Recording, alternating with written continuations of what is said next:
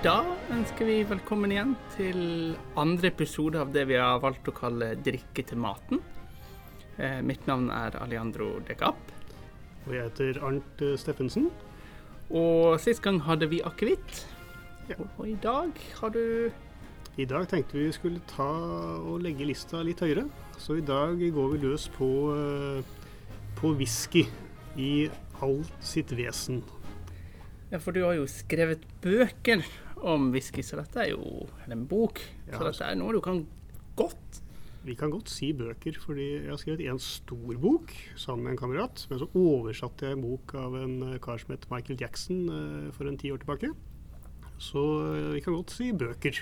Er vi Michael Jackson, eller bare det Han heter faktisk Michael Jackson, eller han het for han døde på et par år siden, men han en av, han var da en av de store guruene når det gjaldt eh, øl- og brennevinsjournalistikk. Det var liksom øl og whisky han hadde spesialisert seg på, da. Så eh, han var en av de virkelig, virkelig store. Ja, nei, det er heldig, heldig navn å ha, da. Veldig. Det skapte jo eh, litt forvirring blant de som eh, si, ikke visste bedre. Men når man tenkte etter, så skjønte jo alle at det var usannsynlig lite sannsynlig at danse og synge Michael Jackson som skriver bøker om øl og whisky. På samme måte som hvis man da møtte eh, skribenten Michael Jackson, at det var helt totalt usannsynlig at han skulle gjøre det motsatte. Ja, ikke sant? Vel, ehm, litt som sist så er premisset at vi skal snakke litt om drikke til mat, og- eller drikke generelt. Ja. Dette blir kanskje litt mer som drikke generelt, fordi selv om mange entusiaster og, og eh, ja, nerder, la oss kalle en spade en spade, liker å kombinere eh, whisky og mat, eh, så er det mest eh, vanlig fremdeles å drikke whisky sånn som den er, eller i, i drinker osv. Vi skal ha hovedfokus på skotske whiskyer, men vi skal også en liten tur bort til USA. Fordi whisky det lages over hele verden. Og det er mange ulike typer whisky. Og vi skal gi en sånn bitte liten innføring i eh, de mest vanlige sortene og stilene. For hva, hva Jeg har hørt begrepet eh, malt whisky og mm. single malt whisky, og så har jeg hørt at skotsk whisky, irsk whisky altså, mm. Men, hva, hva, men hva, er, hva er whisky? Vi kan jo begynne med hva det egentlig er. Eh, whisky det er destillert øl. Det er, eh, det er kortversjonen.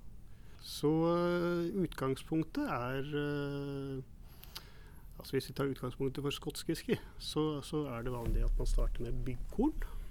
Og det byggkornet, det, det legger man i bløt, slik at det, ja, det blir fuktig. Og så sprer man det utover eh, store gulv. Det var den tradisjonelle måten å gjøre det på. Og dermed så begynte kornet å spire. Og det som skjer når, når byggkorn uh, spirer, det er at stivelsen uh, omdannes til sukker. Og uh, det er den prosessen som heter malting. Og det er der ordet maltiske kommer inn i bildet. Så eh, det man da gjør, det er etter hvert at man ønsker å stoppe den spiringen, fordi når kornet begynner å spire, så, så gjøres jo da Altså, da går spiren begynner å spise opp sukkeret. Det vil du ikke. For det er sukkeret som etter hvert skal bli til alkohol. Så dermed så ønsker man å stoppe spiringen. Og det gjør man ved å tørke kornet. Og eh, den tørkingen den kan man gjøre på to forskjellige måter. Den ene måten er å eh, bruke varmluft. luft.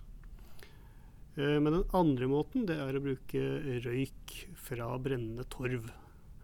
Og mange kjenner jo til den der, de beryktede røkte whiskyene, som liksom oser eh, bål og, og, og, eh, brent sikringsskap. Og det er der den der røyksmaken kommer inn i bildet. Veldig viktig eh, tidspunkt i prosessen, for det er der man avgjør hvilken stil og hvilken smak whiskyen skal ha. Om den skal ha røyk eller ikke røyk. Og så kan man selvfølgelig variere. Man må ha, det er noen som har eh, spesialisert på at de skal ha mengder med røyk og virkelig, virkelig virkelig kraftige saker. Men så er det andre som bare vil ha bitte litt snev av det. Så det kan man justere litt selv. Er det, men det er naturlig røyksmak? altså Det er ikke sånn kjøttpølse med røyksmak at du har blandet det ut med et eller annet? Nei, dette er, dette er naturlig. Så eh, det vanlige er at man da går ut på disse heiene i, i Skottland. Og, og produsentene de, de kutter løs eh, store biter med torv som de da tørker. Og så eh, så brenner de det etterpå. Dette har jo vært den tradisjonelle måten å lage whisky på, også den tradisjonelle måten i Skottland å varme opp husene i, i all den tid. Altså, det finnes ikke noen store skoger og sånt i, i Skottland og på de skotske øyene, så da måtte man bruke det man hadde til rådighet, og det var jo torv. Så historisk sett så er det den naturlige måten å, å lage whisky på. Siden så har jo smaken forandret seg litt, og man ønsker ikke så mye røyk. Og det er der denne varmluften og moderne teknikker kommer inn i bildet. Og så etter det så bare gjør man det, og så kaller man det en dag, eller? Vel, eh, det, er, eh, det er en lang prosess, og eh, jeg kjenner jo at det er veldig unaturlig å, å, å snakke så mye om whisky uten å smake på det. Så det jeg har gjort, er å ta med da en fire-fem forskjellige whiskyer som vi skal smake på i dag. Og vi begynner kanskje med den mest kjente av dem alle. Uh, dette er en uh, Johnny Walker. Det har jeg hørt om. Det har du hørt om, ja. Og der er det Johnny Walker er ikke en single malt whisky. Jeg skal komme inn på dette med single malt og blended whisky og litt sånn etterpå, men uh, vi, ta, vi, må ta ting i riktig rekkefølge. Og denne her heter, ja, for den heter Red Label. Er det navnet ja. på den, eller er det Johnny Walker som altså Johnny Walker er selve merket, altså navnet på, på branden. Oh, okay. uh, og Red Label det er en uh, måte de beskriver på liksom hvor gammel den er. Så den er ikke så fryktelig gammel, men dette er en en ganske enkel, men uh, god blend på den måten at det, den representerer egentlig hva det hele dreier seg om. Så er det en ganske vi, ja, vi drikker den nå fra litt sånn bitte små vinglass? Ja, vi drikker den uh, fra altså det tradisjonelle whiskyglasset som man ser på film på, på, på Mad Men, og hvor selv Don Draper sitter med whiskyglasset sitt og har is oppi og ser skikkelig karslig ut. Altså, det er tøffe glass, bevares, men altså sånn noe av det viktigste med whisky, det er aromaen. Og hvis man har den type glass, så forsvinner bare aromaen rett opp. Så det smarteste er å ha et liksom tulipanformet uh, miniatyrvinglass, nærmest. Eventuelt det tradisjonelle konjakkglasset som, som, de fleste har hjemme. Men ingen is, ser jeg. Ingen is. Det er uh, mange som ønsker å ha is uh, fordi de tenker at whisky on the rocks det er liksom det tøffeste av det tøffe. Men jeg må huske på at her, her dreier det seg om et ganske forseggjort og edelt brennevin som, hvor veldig mye av nyansene i både smak og duft kommer til sin rett hvis den er, hvis den er temperert. Altså Man må gjerne tilsette litt vann for, hvis man syns det er litt sterkt, men, men, eh, det å ha is altså bevares, Man kan godt gjøre det, men altså da, da, senker du temperaturen slik at du får ikke noe duft ut av det, og du får heller ikke noe smak ut av det. Du får liksom bare spriten, og det er selvfølgelig hyggelig, det òg. men, men, kanskje ikke for oss nå? Kanskje ikke, kanskje ikke riktig ennå. Mm, fin brun farge òg. Ja, så vi kan jo smake på den. Lukter søtt, da. Ja, det er ofte uh, tilsatt litt sukker for å få litt uh, litt sødme på det. Hørte jeg en host? Det er litt sterkt, da. Det er litt sterkt. Det er jo sprit. Så det du kan gjøre, som ofte er lurt hvis man skal smake på, på brennevin, det er å ha litt vann i. Og da har vi rett og slett fått tak i to helt enkle sugerør. Så det du gjør, det er rett og slett bare å putte sugerøret nedi, og så holder du fingeren opp på toppen. Og så nedi glass vann? Og så nedi glass vann, og så har du det rett og slett bare oppi whiskyen. Det er ikke mye som skal til, men uh, ofte så skal det litt vann til for at whiskyen da åpner seg og frigjør flere aromaer og smaksstoffer. Men vil ikke en eller annen venneforening nå sette kaffen i halsen at du har puttet vann oppi en whisky, eller er det, Nei, er det altså, akseptabelt? Det er veldig akseptabelt. Eh, er det det? Og, ja, ja, det, er, det, er, det Og uh, disse venneforeningene altså Det er mange whiskyklubber uh, rundt forbi som, som, jo har et veldig uh, nært og tett forhold til, til whisky. Og mange mener at litt vann i det er, det er smart. Og så har jo selvfølgelig de som skal tøffe seg og være og, Ja, hva skal jeg si det er noen som mener at uh, man skal drikke det bart fordi da får man hår på brystet og sånne tøysete uh, tenåringsgutt-holdninger. Uh, men hvis man skal ha mye ut av det, så man skal se litt på alkoholprosenten og man skal se litt på hva slags greie dette er. Altså, litt senere skal vi smake en, så er det liksom 54% og det er ikke det at man ikke kan drikke den bar, men altså man får mye mer ut av det hvis man har i litt. Og for dette er det Dette er en standard eh, blended whisky som holder ca. 40% og det er liksom den vanlige alkoholprosenten på, på whisky. Det er litt sånn ubestemmelig smak, Mm. føler jeg. Så hvis vi tenker sånn øh, kompleksitet osv., så, videre, så er ikke dette den mest spennende whiskyen som finnes. Den er kanskje sånn tre-fire-fem år gammel. Og når det først begynner å bli veldig interessant, da er vi liksom oppe i en 10-12. Så vi skal smake på noen eldre varianter etter hvert, som da viser øh, litt sånn forskjellen på det. Jeg må jo være ærlig. Mm. Jeg synes den luktet mer interessant enn den den smakte. Ja. Altså, den hadde liksom full av Mm. deilig, søt lukt. Ja, ja, og. Litt, sånn, eh, litt sånn ubestemmelig. Jeg greier ikke helt å beskrive smaken, men, men nei, nei, lukten. Men smaken var litt sånn Mm. Kjenner at det er litt grann røyk der. Mm. Eh, samtidig som eh, det, er ikke, det er ikke røykpreget du, du reagerer på. Det, det er det ikke. Men jeg kan gå tilbake til eh, Vi snakker om røyk, og liksom hvor kommer den fra? Vi, vi fant jo ut at eh, røyk, det var Det kom fra den tørkingen av kornet. Tradisjonelt så brukte man da brennende torv. Og det man da gjør med den, er at nå skal man, lage, nå skal man bruke det kornet til å lage øl. Og da kverner man det rett og slett. Man maler kornet, og så blander man i masse varmt vann. Og det som da skjer, er at man da har en, eh, det er en væsk. Eh, Og, og det varme vannet trekker da rett og slett sukkeret ut av, eh, av kornet. Slik at du da får en sånn der veldig søtlig, søtlig væske. Vørter, kan vi kalle det. Og så siler man da fra kornrestene, slik at man da sitter igjen da med kun den søte væsken. Kornrestene det gir man for øvrig til, eh, til kuene eller den lokale bonden, som da gir det til eh, ja, som bruker det som dyrefôr. Det fungerer veldig bra. Bra for alle parter. eh, Bærekraftig og virkelig, virkelig fint. Og det er en sånn stående vits da hvis man bestøker et, et destilleri i Skottland at ja, liksom kornrestene det går jo til kuene, og det er derfor kuene i Skottland er de lykkeligste kuer i hele verden. Det er en sånn vanlig liten greie. Så, så, så hvis du drikker whisky, så er du bærekraftig? Du er rett og slett miljøvennlig. Ja, det er Ja. godt gjort. Så eh, det er, det er hyggelig.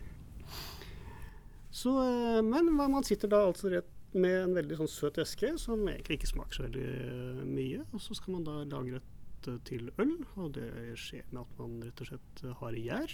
Og så skjer tingene litt av seg selv. Og det gjærer da en uh, ukes tid, litt over det. Og så sitter man da med et øl som holder en sånn eh, 7-8 Dette er sånn overgjæret øl, eh, i motsetning til eh, den vanlige pilsen som er undergjæret.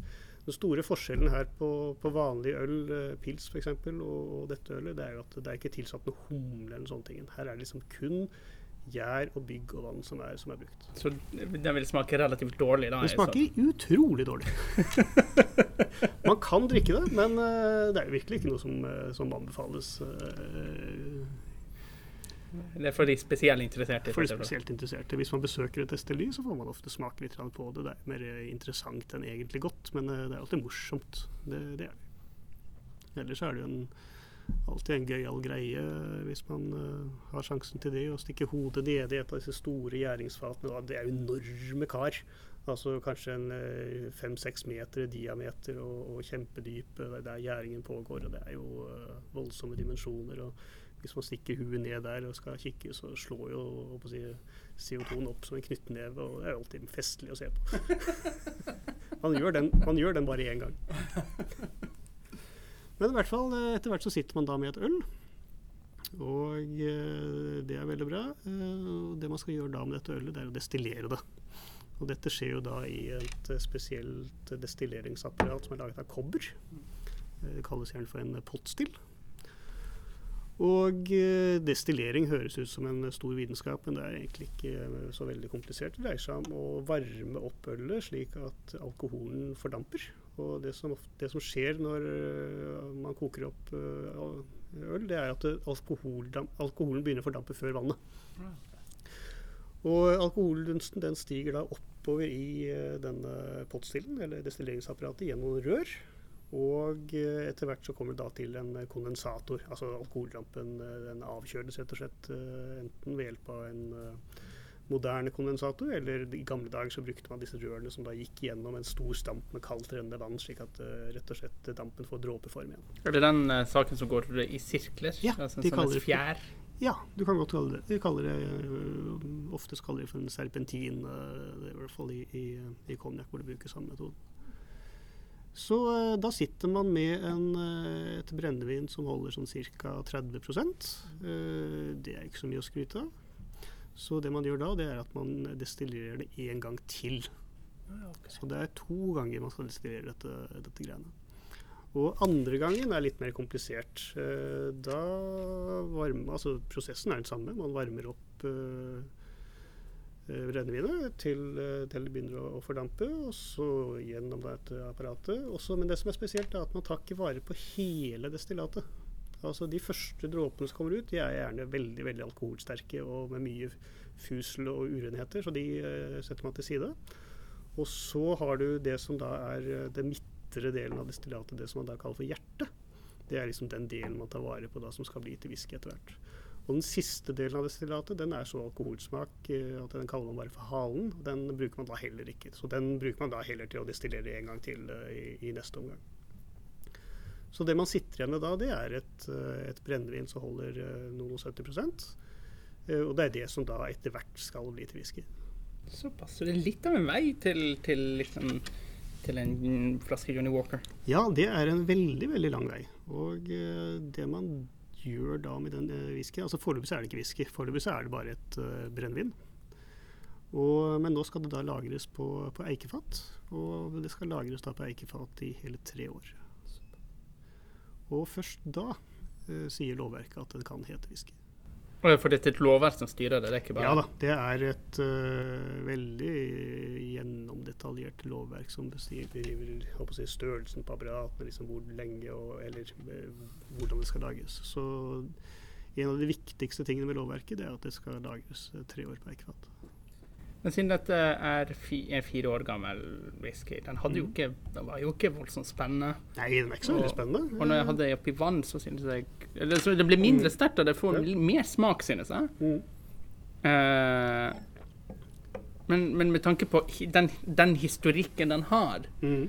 så var, det virker litt sånn smule antiklimaktisk. Ja, Ja, men dette er jo bare starten, selvfølgelig. Så dette er en, dette er en enkel whisky. Så det vi skal gjøre nå, det er også å smake på nummer to, slik at du får noe å sammenligne med. Og da hopper vi egentlig rett opp til eh, Eliteserien og smaker på en, eh, en whisky som har vært eh, lagret eh, 18 år på Eikvatt. 18 år. Så selvfølgelig kunne vi tatt en tiåring eller tolvåring midt imellom, men nå, nå, nå gjør vi det sånn. Og det har litt å gjøre med at det var det jeg hadde i barskap.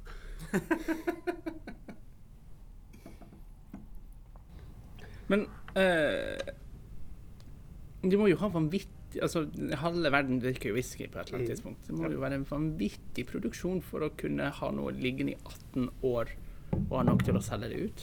Det er det. Og whisky er en storindustri. Altså i, det er en av de viktigste næringene i Skottland.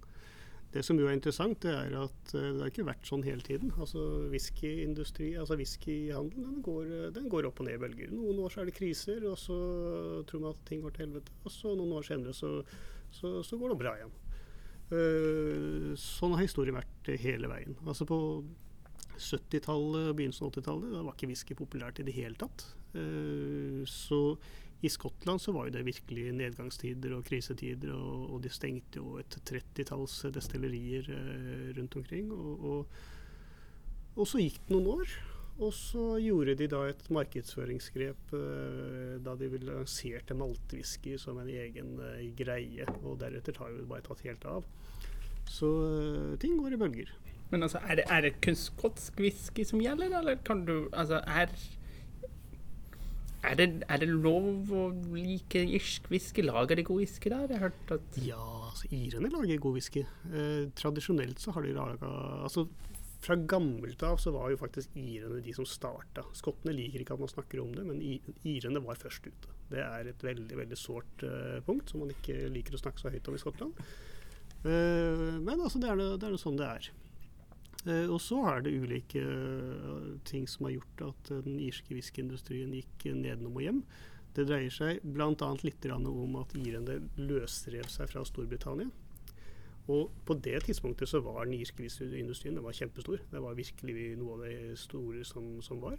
Men så var det liksom to ting som skjedde. Det var uh, forbudstiden i USA. Altså veldig mye av uh, eksporten av irsk whisky det gikk til av de irske miljøene borte i USA.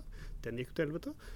Og så fant de da ut at de skulle løsrive seg fra Storbritannia, og eh, britene tok ikke dette særlig godt opp. Og de, en av de tingene de gjorde, det var jo da å stenge markedene i det, irske, altså i det britiske imperiet for eh, alt som hadde med irske varer. Så dermed så kunne de De fikk ikke solgt eh, whiskyen sin.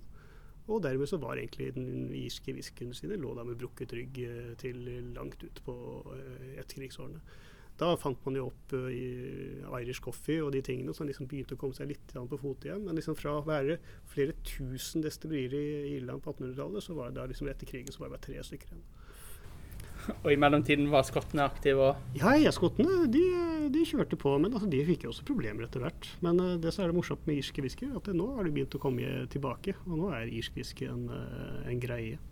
Men vi holder oss foreløpig til skotsk? Vi holder oss foreløpig til skotsk. Eh, men eh, det som er, er at whisky lages over hele verden. Du har liksom de tradisjonelle nasjonene. Skottland, er, Skottland Irland, USA og Canada. Det eh, det er liksom de som har hatt tradisjon for, for, dette. Men så har jo japanerne kommet til å lage fantastiske eh, produkter. Vinne priser på festivaler. Og de, de, begynte med å kopiere den skotske stilen, og så har de egentlig utviklet seg litt i egen retning og laget sitt eget preg på det. Fantastiske produkter. Borte.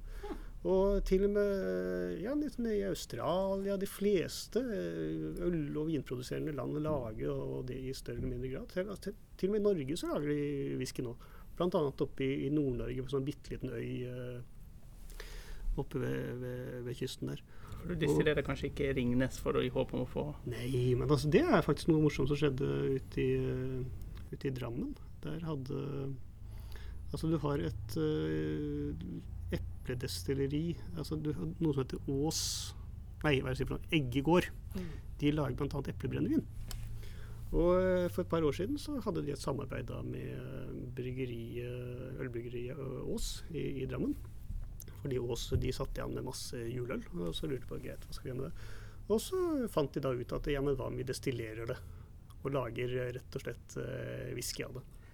Og, og, det gjorde de. Eh, sånn rent formelt sett så kunne de ikke kalle det whisky rett og slett fordi de inneholdt humle, men så bortsett fra det så var, eh, så var det akkurat samme.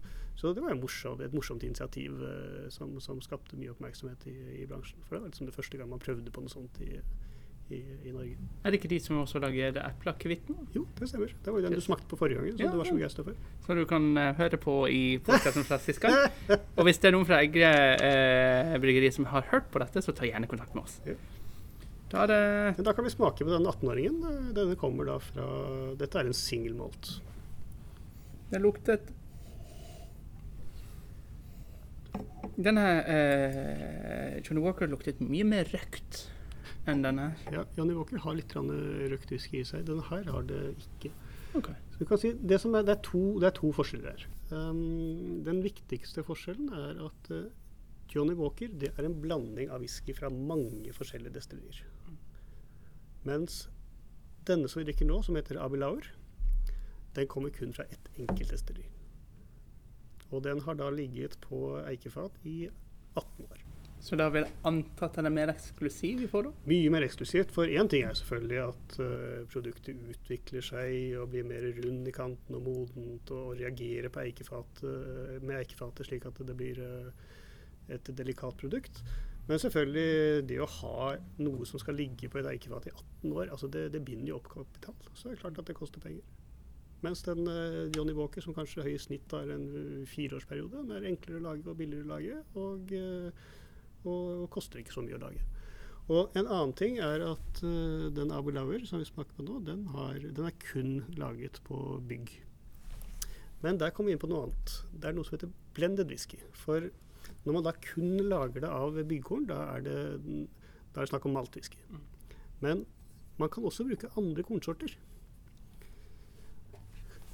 Bra. Nei, men altså, vi kan bruke mais, hvete, rug, alt mulig egentlig. Og, og, det er jo det man da gjør. Eh, fordi i 1853 så var det en kar som oppfant eh, noe som han kalte for en coffee still, som er et sånn kontinuerlig destilleringsapparat. Som er enklere å bruke, og som gir håper jeg, høyere avkastning. Og altså masse fordeler med det. Det gir en veldig sånn nøytral sprit. Og maltwhisky på den tiden, det var ganske, det var tøffe saker. Altså ga, Det var uh, røff på smak. Dette er jo mildt og snilt, men den gangen så var det voldsomme greier. Så de, de, de sleit litt med å, å bli kvitt det og, og selge det.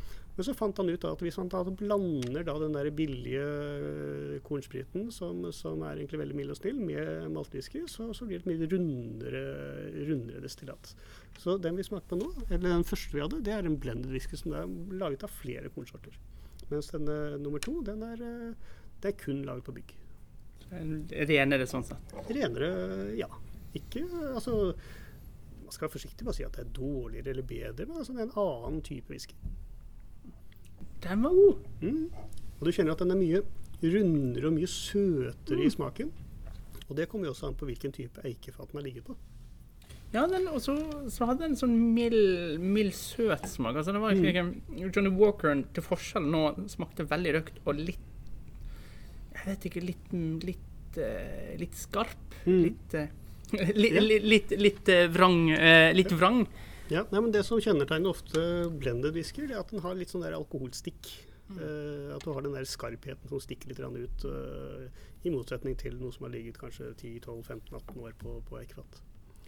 Så må det sies at den ene virker Altså den røyksmaken var, er, til forskjell fra denne, virker mm. veldig overveldende på smaken. Mm.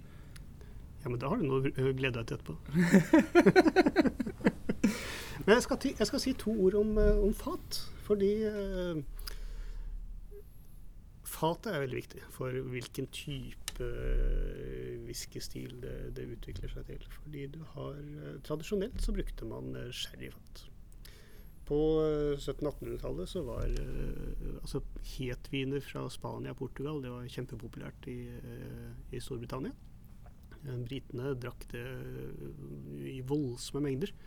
Så det de Og den gangen så kom jo Altså Vinen kom på eiketønner.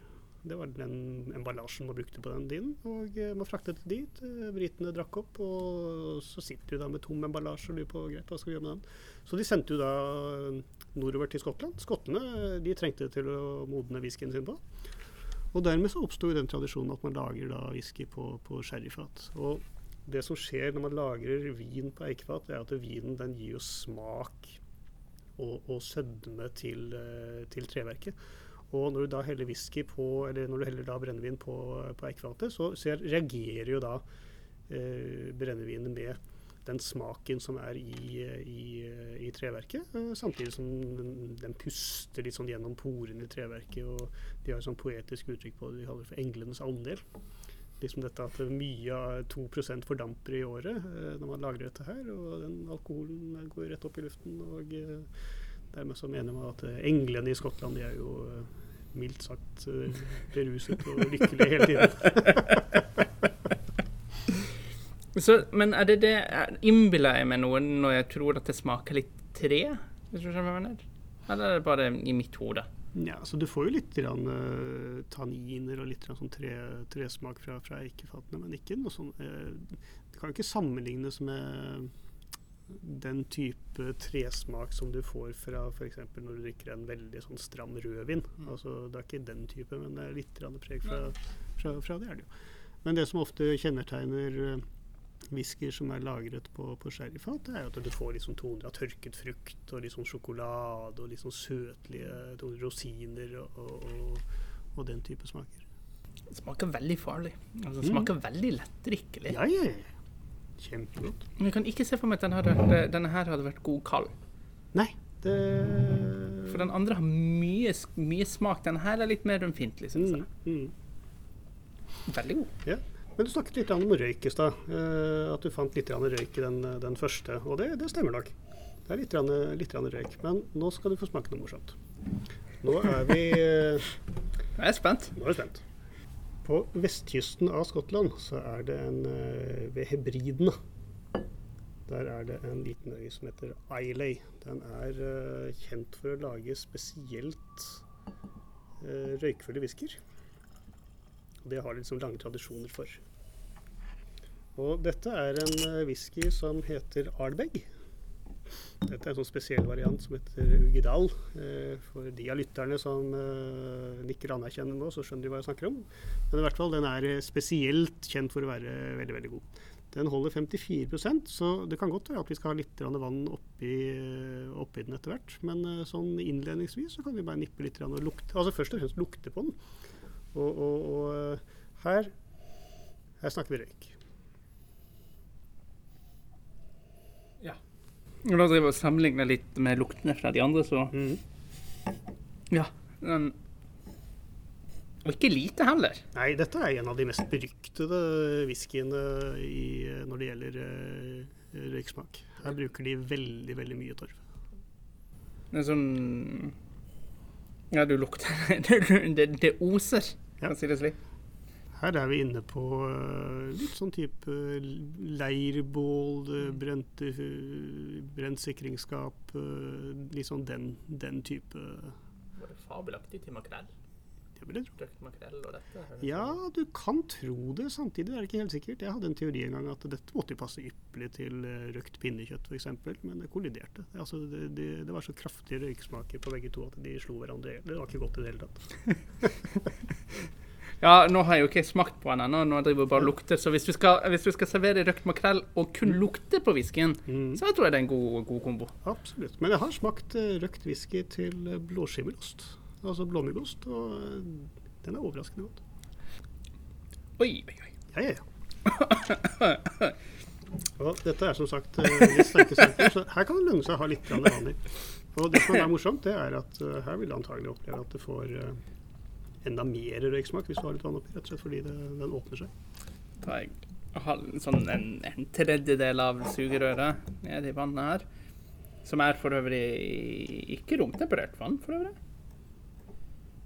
Litt sånn kaldt, men det får alle gå. Det, det får gå. To stykker oppi der. det, er litt sånn det er litt som å sitte i et bål akkurat idet vinden snur, og du får hele røyken midt i ansiktet.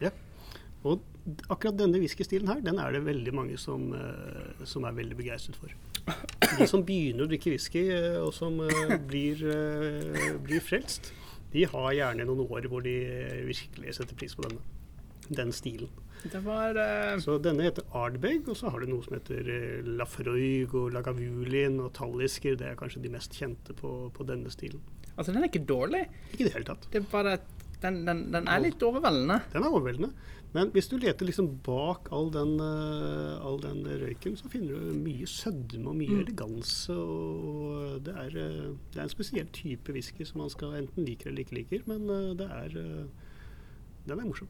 Jo, men altså, den har litt den derre Jeg vet ikke, dessert leirbål. Problemet Mm. er jo at mm, til og med med to, to, to enheter sugerørvann, yeah. så er den ennå Det føles som på tungen min som jeg har tatt en liksom kullbit og liksom virkelig slevet over han. Mm. Nei, så det er uh, Men da har, du liksom, da har du de to hovedstilene på, uh, på single malt. Jeg antar at du ikke begynner med, Nei. med, med Man bør ikke gjøre det. Eh, Det greieste er å starte med de Hvis man skal smake flere etter hverandre, så er det lurt å smake på de som ikke har noe røyk først. Rett og slett fordi eh, røyken har en tendens til å ta over. Jeg merker det. Nå har vi, nå har vi snakket kanskje i to-tre minutter, og jeg må jo si at den smaken sitter på tunga ennå. Ja, ja, den sitter. Og den sitter lenge. Eh, Jeg har en kamerat som som uh, sovnet fra et glass sånn, uh, som sto på, på kjøkkenbenken, og fikk kjeft av sin datter uh, dagen etter fordi det luktet jo så forferdelig på hele kjøkkenet. Og singelmolter, er da Men er det det samme som som Altså samme som det, altså en, en, en Ja. konsort? Det, det, det er akkurat det samme. Ja, altså, når det er snakk om malt altså det, det, det er to ting. Når det heter maltwhisky, så er det laget kun på, mygg, på bygg. Mm. Eh, hvis det heter single malt, da betyr det at det kommer fra et, ett enkelt destilleri. Så single malt whisky, da er det, da er det veldig eksklusivt. Da er det, det kommer fra ett sted, og man kan eh, håper å si, begrave seg i detaljer og håper å si, filosofere over ja, liksom bestilleringsapparatet har jo den formen og tar så og så mange liter og vinkelen på dette røret som går til kommunen. Og vi er der, altså? Ja, det er mange som er, mange som er der. Så, eh, så, det er alltid morsomt å, å fordype seg i den den type detaljer. Den er... Altså, den, altså, I forhold til Red Label Jeg beklager mm. Eh, Johnny Walker, men i forhold til Red Label ja. altså, Du smaker jo ikke Red Label etter å ha drukket dette her. Ja, altså Hvis du går tilbake til Red Label nå og, og, og leter etter den voldsomme røyksmaken som du fant innledningsvis, så vil du kanskje ikke finne den nå. Først må vi lete etter smaken fra Men altså, vi skal ikke, vi skal ikke snakke stygt om, uh, om, Johnny Walker, egentlig. Det er et av verdens uh, største brands, og, og, de vet hva de holder på med. Hvis man går opp et nivå på uh, Johnny Walker og, og, kjøper noe som heter Black Label, mm. så er den lagret litt lenger, gjerne enn tolv år på, på eikefat. Og da man spør destillerisjefer og arbeidere eh, hvilken whisky man skulle tatt med til en øde øy hvis det ikke var din egen, så er det veldig mange som sparer da Johnny Walker Black Label. Rett og slett fordi den er anerkjent som en veldig veldig delikat uh, whisky. Men det er igjen en, en blended whisky, mm. som er en blanding da av whisky fra mange forskjellige destillerier. For der er uh, Abelour. Jeg beklager, uh, men den er jo veldig mye mer diskré enn begge disse to. Ja da. den er uh, Abelauer er en, en klassisk uh, høylandswhisky uh, uten noe røyk, med mye eleganse og osv. Og, og det at den er 18 år, gir, gir også selvfølgelig uh, sitt bidrag til at den blir i, i den stilen. Ja, for dette er en Hvor, hvor gammel er den? Det står ikke på etiketten, og det gjør de ikke fordi de gjerne vil ha litt frihet til å Altså Sånn som det er nå, så er det flere og flere destillerier som går bort ifra sånn aldersbenevning, rett og slett fordi whisky har blitt så populært. At man fokuserer mer på at smaken er det viktigste, i stedet for å si at det skal stå si tolv år. da. Så, og det er jo selvfølgelig et markedsføringsknepp eh, som bunner i at eh, man da gjerne ønsker å selge noe som kanskje er litt yngre, men som sannsynligvis ha omtrent den samme smaken. Dette er selvfølgelig også mye diskutert i kondisørkretser, som uh, syns at dette er en tragedie, og uh, Sodoma og Gomorra virkelig uh, på det nivået. Et av de mest kjente merkene heter jo Macown. de hadde jo tradisjonelt hatt 12, 18 osv. De gikk bort ifra det for noen år siden. og og, og, og, gjorde om på stilen sin, og det fikk de jo veldig mye kjeft for. Men altså bevares, det er jo et av de store merkene. Så, jeg må si jeg synes det er en god, god blanding, altså. Mm -hmm. Så her har du egentlig De tre første vi har hatt nå, det er en uh, ganske grei beskrivelse av liksom hovedstilene på, på uh, på whisky. Du har liksom uh, en blend som er uh, for så vidt lettdrikkelig, men uh, litt av alt, egentlig. Litt sødme, litt røyk, litt av ditt, litt av datt. Og så har du den der Abelauer, som, som er den rendyrkede stilen som har ligget lenge på sherryfat, som gir mye sødme, mye rundhet, som egentlig kan sammenlignes med en konjakk.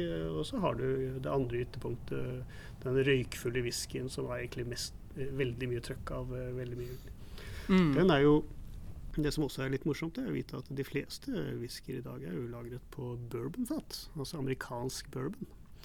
Og det er litt interessant, fordi uh, sånn som det er nå, så drikker ikke verden Altså verden drikker ikke uh, sherry lenger. Det lages mindre og mindre sherry. Og dermed så blir det færre og færre sherryfat, så det blir veldig mye rift om de små få sherryfatene som, som, eksisterer. Og det har jo faktisk gått så langt at mange whiskydestillerier de har samarbeid med spanske bodegaer for at de skal lage sherry og å si, gi eikefatene sine smak. Og så blir sherryen kasta. Eller de destillerer den og, og bruker den til sprit. Altså, den, den, selges ikke. Så sherryen lages utelukkende for å gi smak til, til eikefatet. Det er jo totalt galmatese. Så, så, bærekraftig, men ikke er, til, til, til, til et visst punkt. Til et visst punkt.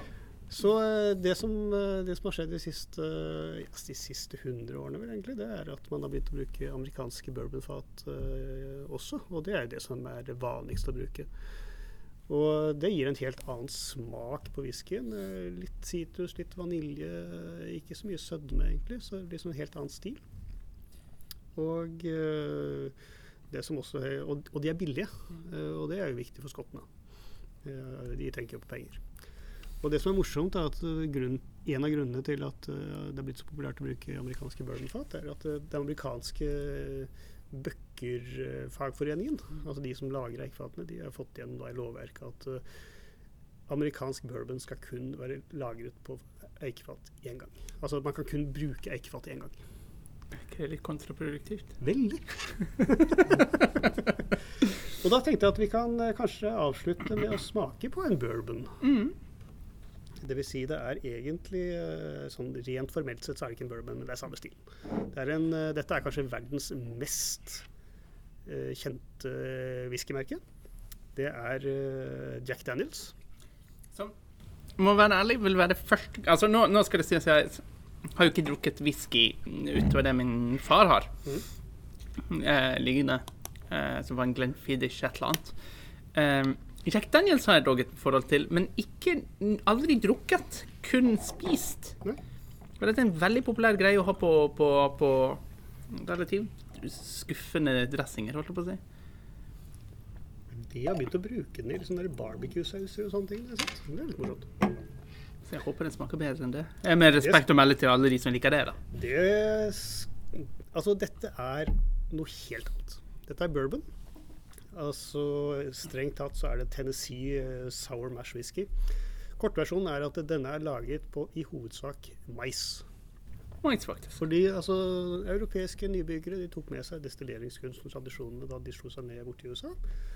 Eh, så vokser det vokser ikke så himla mye bygg eh, på de amerikanske præriene, men altså, det vokser veldig mye mais, eh, så man bruker da, håper jeg de råvarene man har. Og dermed så vokste det fram da en tradisjon med å bruke, å bruke maissprit.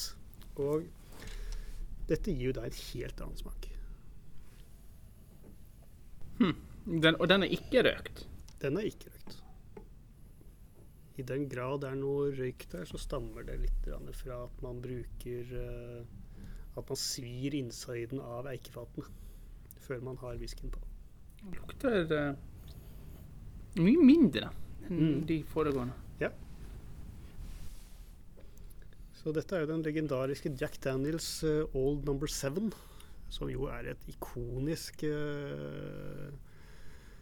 En ikonisk etikett som brukes mye på T-shirts og Du har jo Mutley Crew, et legendarisk band hvor eh, de hadde tradisjon for å drikke rett fra flaska. Og eh, Frank Sinatra ble jo begravet med en flaske i kista. Rett og slett for han var, eh, han var skikkelig fan. Det, altså, det, det sier litt at jeg kan kjenne, kjenne etiketten Ja. før jeg noensinne har smakt innholdet, på en måte. Dette er, kan du si litt sånn eh, stygt sagt, så er, dette er eh, whiskyens eh, Coca-Cola. Her er liksom brandet like viktig som, eh, som innholdet. Men måler den seg opp mot eh, disse Altså, det er noe helt annet. Uh, hvis jeg skal sammenligne den med noe, altså hvis vi, ikke, altså hvis vi ser bort fra, fra smaken, så kan du sammenligne med Johnny Walker. Det er liksom uh, det er brandet som er uh, ho hovedpersonen, nær sagt. Men i sin sjanger så er Jack Daniels et helt utmerket whisky, men kanskje ikke vanlig å drikke alene. Det vanligste er å ha den on the rocks, altså med isbiter, eventuelt blandet i drinker. Jack and Coke er jo en en velkjent uh, kombinasjon. Men innen da så ville du drukket kanskje med hva, hva som helst annet. Jeg vil vel kanskje Ja. Men jeg ville ikke tatt en røkt whisky og blanda med cola. Det, Å, det, må, det, det må vi nesten forsøke, nesten. vi har jo snakket om en julebrus spesial, så kanskje vi skal lage Ja, teste hvordan, hvordan går julebrus med røkt whisky. jeg kan se det.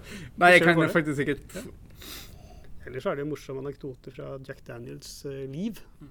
Han, er, han var jo en, en, en virkelig person. Eh, det var han som grunnla da dette. Og eh, han døde på en litt sånn rock'n'roll-aktig måte. Han, han hadde en safe på kontoret sitt. Og eh, han skulle åpne safen, og så hadde låsen Altså, den hadde låst seg, men han fikk det ikke opp. Og så ble han så ild forbanna at han sparka til safen i fullt sinne. Og brakk tåa, og det gikk infeksjon i tåa, og han døde. Så eh, man skal være forsiktig med brennevin. Det kan, det kan, det kan eh, Ja. Det kan gå galt. Han var ikke safe. Han var ikke safe. Ikke skru av nå. Det, er sånt ordspill kommer med en gang. Vi smaker nå på en eh, Jack Daniels. Det var noe helt annet. Det er noe helt annet. Og det morsomme er at dette er kanskje verdens mest kjente whiskymerke. Og den selges i Altså den lages i en liten, en liten kommune i Tennessee som heter Lynchburg. Lynchburg er en kommune hvor det er forbudt å selge alkohol. Den er, eh, den er tørrlagt. Og det, den har vært tørrlagt da siden forbudstiden i USA. Av en eller annen grunn så har man da liksom holdt den fast i, i Lynchburg. Den har ca. 300 innbyggere eller noe sånt. 321 tror jeg det er. Så eh, Så de produserer en er alkoholfri område. De produserer altså Ja. Ja, ja. det er eh, kanskje et av de store paradoksene i uh, brennevinsverdenen. Men den er også vanvittig Altså i forhold til de, de, de tre andre, altså single molten, mm. blandewhiskyen og, og, eh, og den, den hyperrøkte, så er den Det er ikke mye smak. Altså, det er ikke, det er ikke den, den, den går ned. Den går ned. Men da har jeg en liten overraskelse. Jeg har tatt med en annen bourbon som heter, eh, heter Rowans Creek. Eh, Det som er litt spesielt med den, er at denne er eh, Dette er en sånn Det som man kaller for small batch. Altså den er laget av Dette er håndverk. Jack Daniels det er med all respekt å melde, det er storindustri, det er fabrikk. Virkelig, virkelig. Dette er liksom håndverk. Dette er laget i bitte, bitte lite opplag. Den er litt sånn småsterk, denne. Og noen og 50% eller noe der. Så Hvorfor en bitte liten flaske også? Ja, det var mer eh, fordi jeg hadde Altså, flaska er stor, men jeg bare ja, ok, ja. over. Ja. Så øh, hvis du sammenligner da denne med, med Jack Daniels, så ser du at det er, det, det er forskjell. Så da prøver vi Hva, hva var det du kalte denne? Det var en en Alter Calvados? Nei, det er bare en brukt flaske. Altså, oh, ja. Den heter øh, Rowans Creek. Rowans Creek. Ja, den var mye mer eh, I forhold til Jack Danielson, som Ja, lukter den mye mer. Så i prinsippet så er den laget på samme måte, men også her er det mer, det er mer det er mer smak, det er mer alt, egentlig. Ja, begynner å nærme oss de eh, Ja, du kan godt sammenligne det med den øh, 18-åringen øh, Mm. vi drakk i stad. Jeg vet ikke hvor gammel denne var, men jeg tror Altså, jeg vil tippe at den i hvert fall er en fem-seks år gammel. Det som er greia med bourbon, det er at pga. fuktighet og temperatur osv. Så, videre, så modnes den raskere enn en øh, whisky fra, fra Skottland, som jo er et mye kaldere klima. Ja. Men er bourbon da bare det faktum at den er en gang og det er laget på mais? Eller altså, er det bourbon?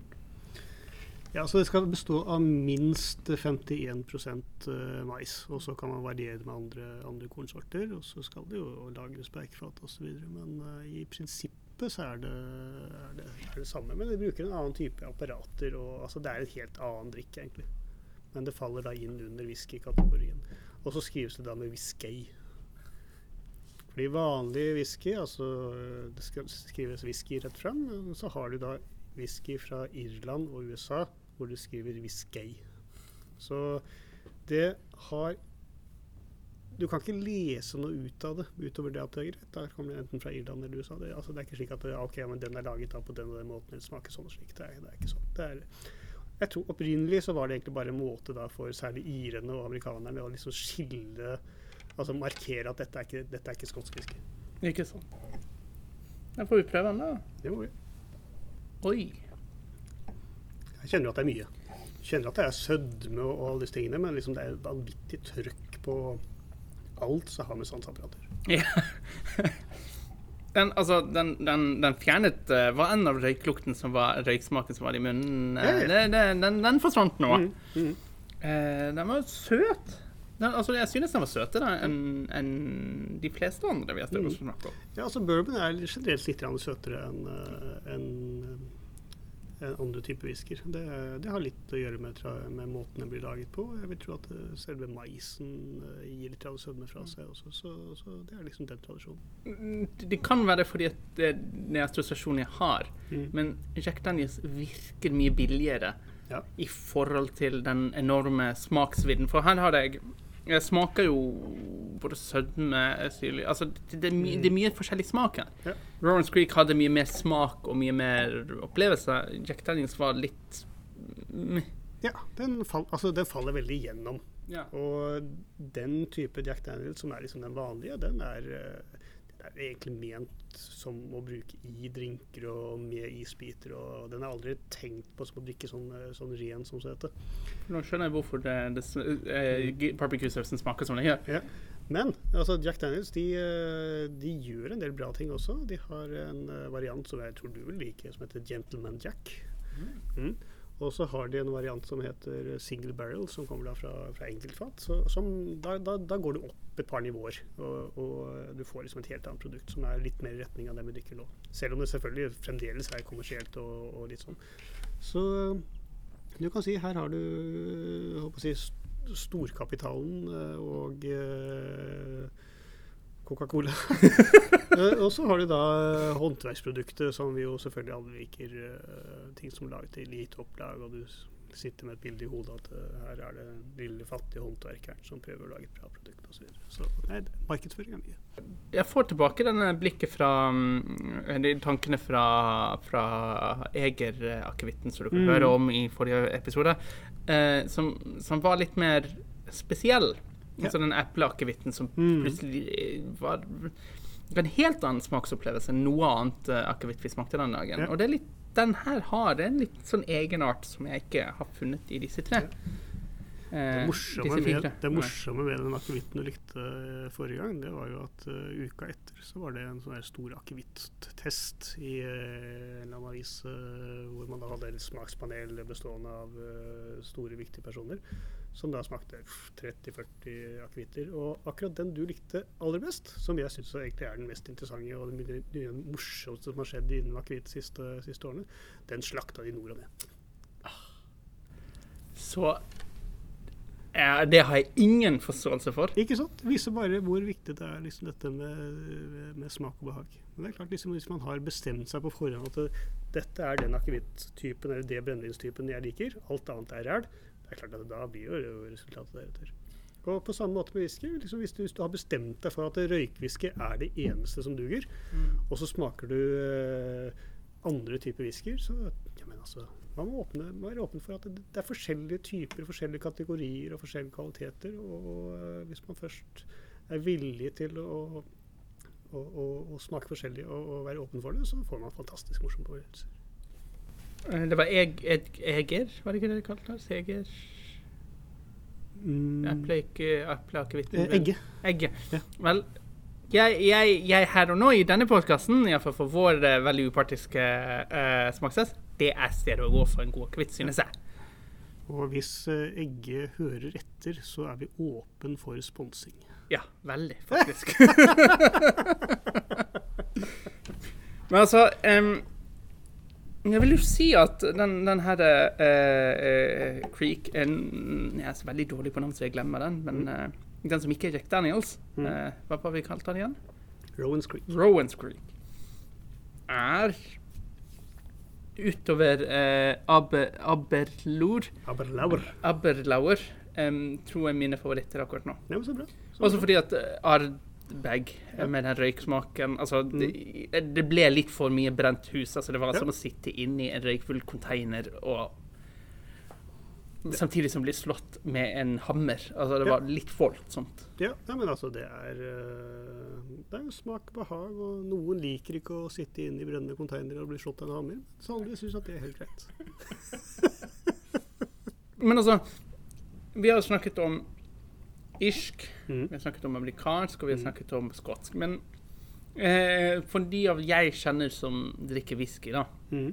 eh, Som jeg ikke velger å ikke kalle whiskykjennere, for de drikker veldig få typer whiskyer som nødvendigvis går rett ned. Um, men de sier at skotsk whisky er liksom det, det hellige. Det, drikker du skotsk, så drikker du bra uansett hva det er. Mm. er. Er det sant? Eller er det bare en illusjon vi har om at Skottland er de beste? For du har jo sagt at irene startet jo med dette først. Irene startet. Eh, amerikanerne gjør veldig mye morsomt nå. Og det som skjer akkurat nå, det er at i kjølvannet av all, alle mikrobryggeriene og liksom det der at folk ønsker noe som er lokalt og særpreget og, og, og håndlaget alle stegene, så, så, kommer det veldig mange nye produsenter. Og det som er whisky, er at det er ikke noe, er ikke noe beskyttet betegnelse. Altså På den måten at uh, kun Skottland kan kalle det for whisky, og resten av verden må kalle det noe annet. Altså Man lager whisky i Sverige, Norge altså, i, altså Man lager whisky borti India som, som, som, lager, som vinner priser. Det er uh, en eller annen whisky borti Thailand som er kåret til liksom den beste whiskyen uh, ever. Uh, på en eller annen kåring. Og, og, det skjer veldig mye. Og hvis man er litt åpen for at ja, liksom utgangspunktet og tradisjonen det er Skottland, og der er det veldig mye bra. Og hvis man da har lyst til å eksperimentere litt, så kan man få veldig morsomme opplevelser. Ja, for da, da er det kanskje greit å, å ignorere alder. Altså ikke la seg henge opp i for mye 18, 20, 30, 100. Men kanskje være litt mer åpen? Eller er det slik at 18 er bedre enn 10? Det er ikke noe automatikk i det. Og, og til syvende og sist så vil det alltid avhengig av hvilken type eikefat det har ligget på. For altså, du kan ha en du kan ha en seks år gammel whisky som kan være himmelsk hvis det har ligget på et, eh, et kvalitetsfat. På samme måte som du kan ha et, en 25 år gammel whisky som har ligget på dårlig fat, som bare smaker høy. Så det er eh, Alt dreier seg om uh, kunnskap hos uh, den som har ansvaret for å lage whisky. Altså, det dreier seg om samarbeid mellom destillatøren og han som har ansvaret for eikefatene, og han som til slutt blander dette sammen. Og det er ikke noe automatikk i at gammelt er automatisk best. Jeg har smakt gamle whiskyer som smaker skikkelig, skikkelig vondt. Samtidig som jeg har smakt uh, veldig unge whiskyer som uh, smaker helt himmelsk. Og den her, den siste vi drikker, den er virkelig god. Mm. Og det beste er at jo mer jeg drikker den, jo mer liker jeg den. Det er det som er det sjarmerende med whisky. Ja, det er Så kommer du til punktet der eh, du drikker for mye og du ikke smaker noe forskjell, og da kan det kanskje være bra å gå for Ardbeg.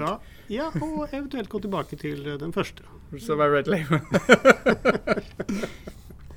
Men da Da er vi vel kanskje ved veis ende i dag. Ja. Eh, neste gang kommer det om ikke vi får til igjen før jul. Jeg tror det. Og så blir det etter jul, og da skal vi snakke Da skal vi utenlands, faktisk. Da skal vi til, sannsynligvis til Sake og Japan. Ja. Du skal jo reise bort til eh, Det ville Østen. Mm -hmm. Og uh, i den forbindelse så har vi tenkt å ha et japansk tema. Mm -hmm.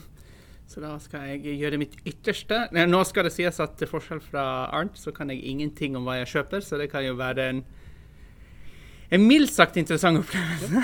Så uh, utgangspunktet så snakker vi om å smake på japansk øl, japansk whisky, som finnes, som er veldig bra, og selvfølgelig da sake. Og gud vet hva annet du kanskje finner der borte. Mm, mm. Så følg med. Og, og, og det, jeg tror januar blir en spennende måned å følge med uansett, for det blir mer enn en episode da. Det blir det. Neste gang har vi planer om å konsentrere oss om konjakk. Så følg med. Det, du har hørt på, på sånn Passe god mat drikke til maten med meg, Allianz Røde Kapp. Og Arnt Steffensen. Så snakkes vi neste gang. Så ha en riktig god dag. Tudelu.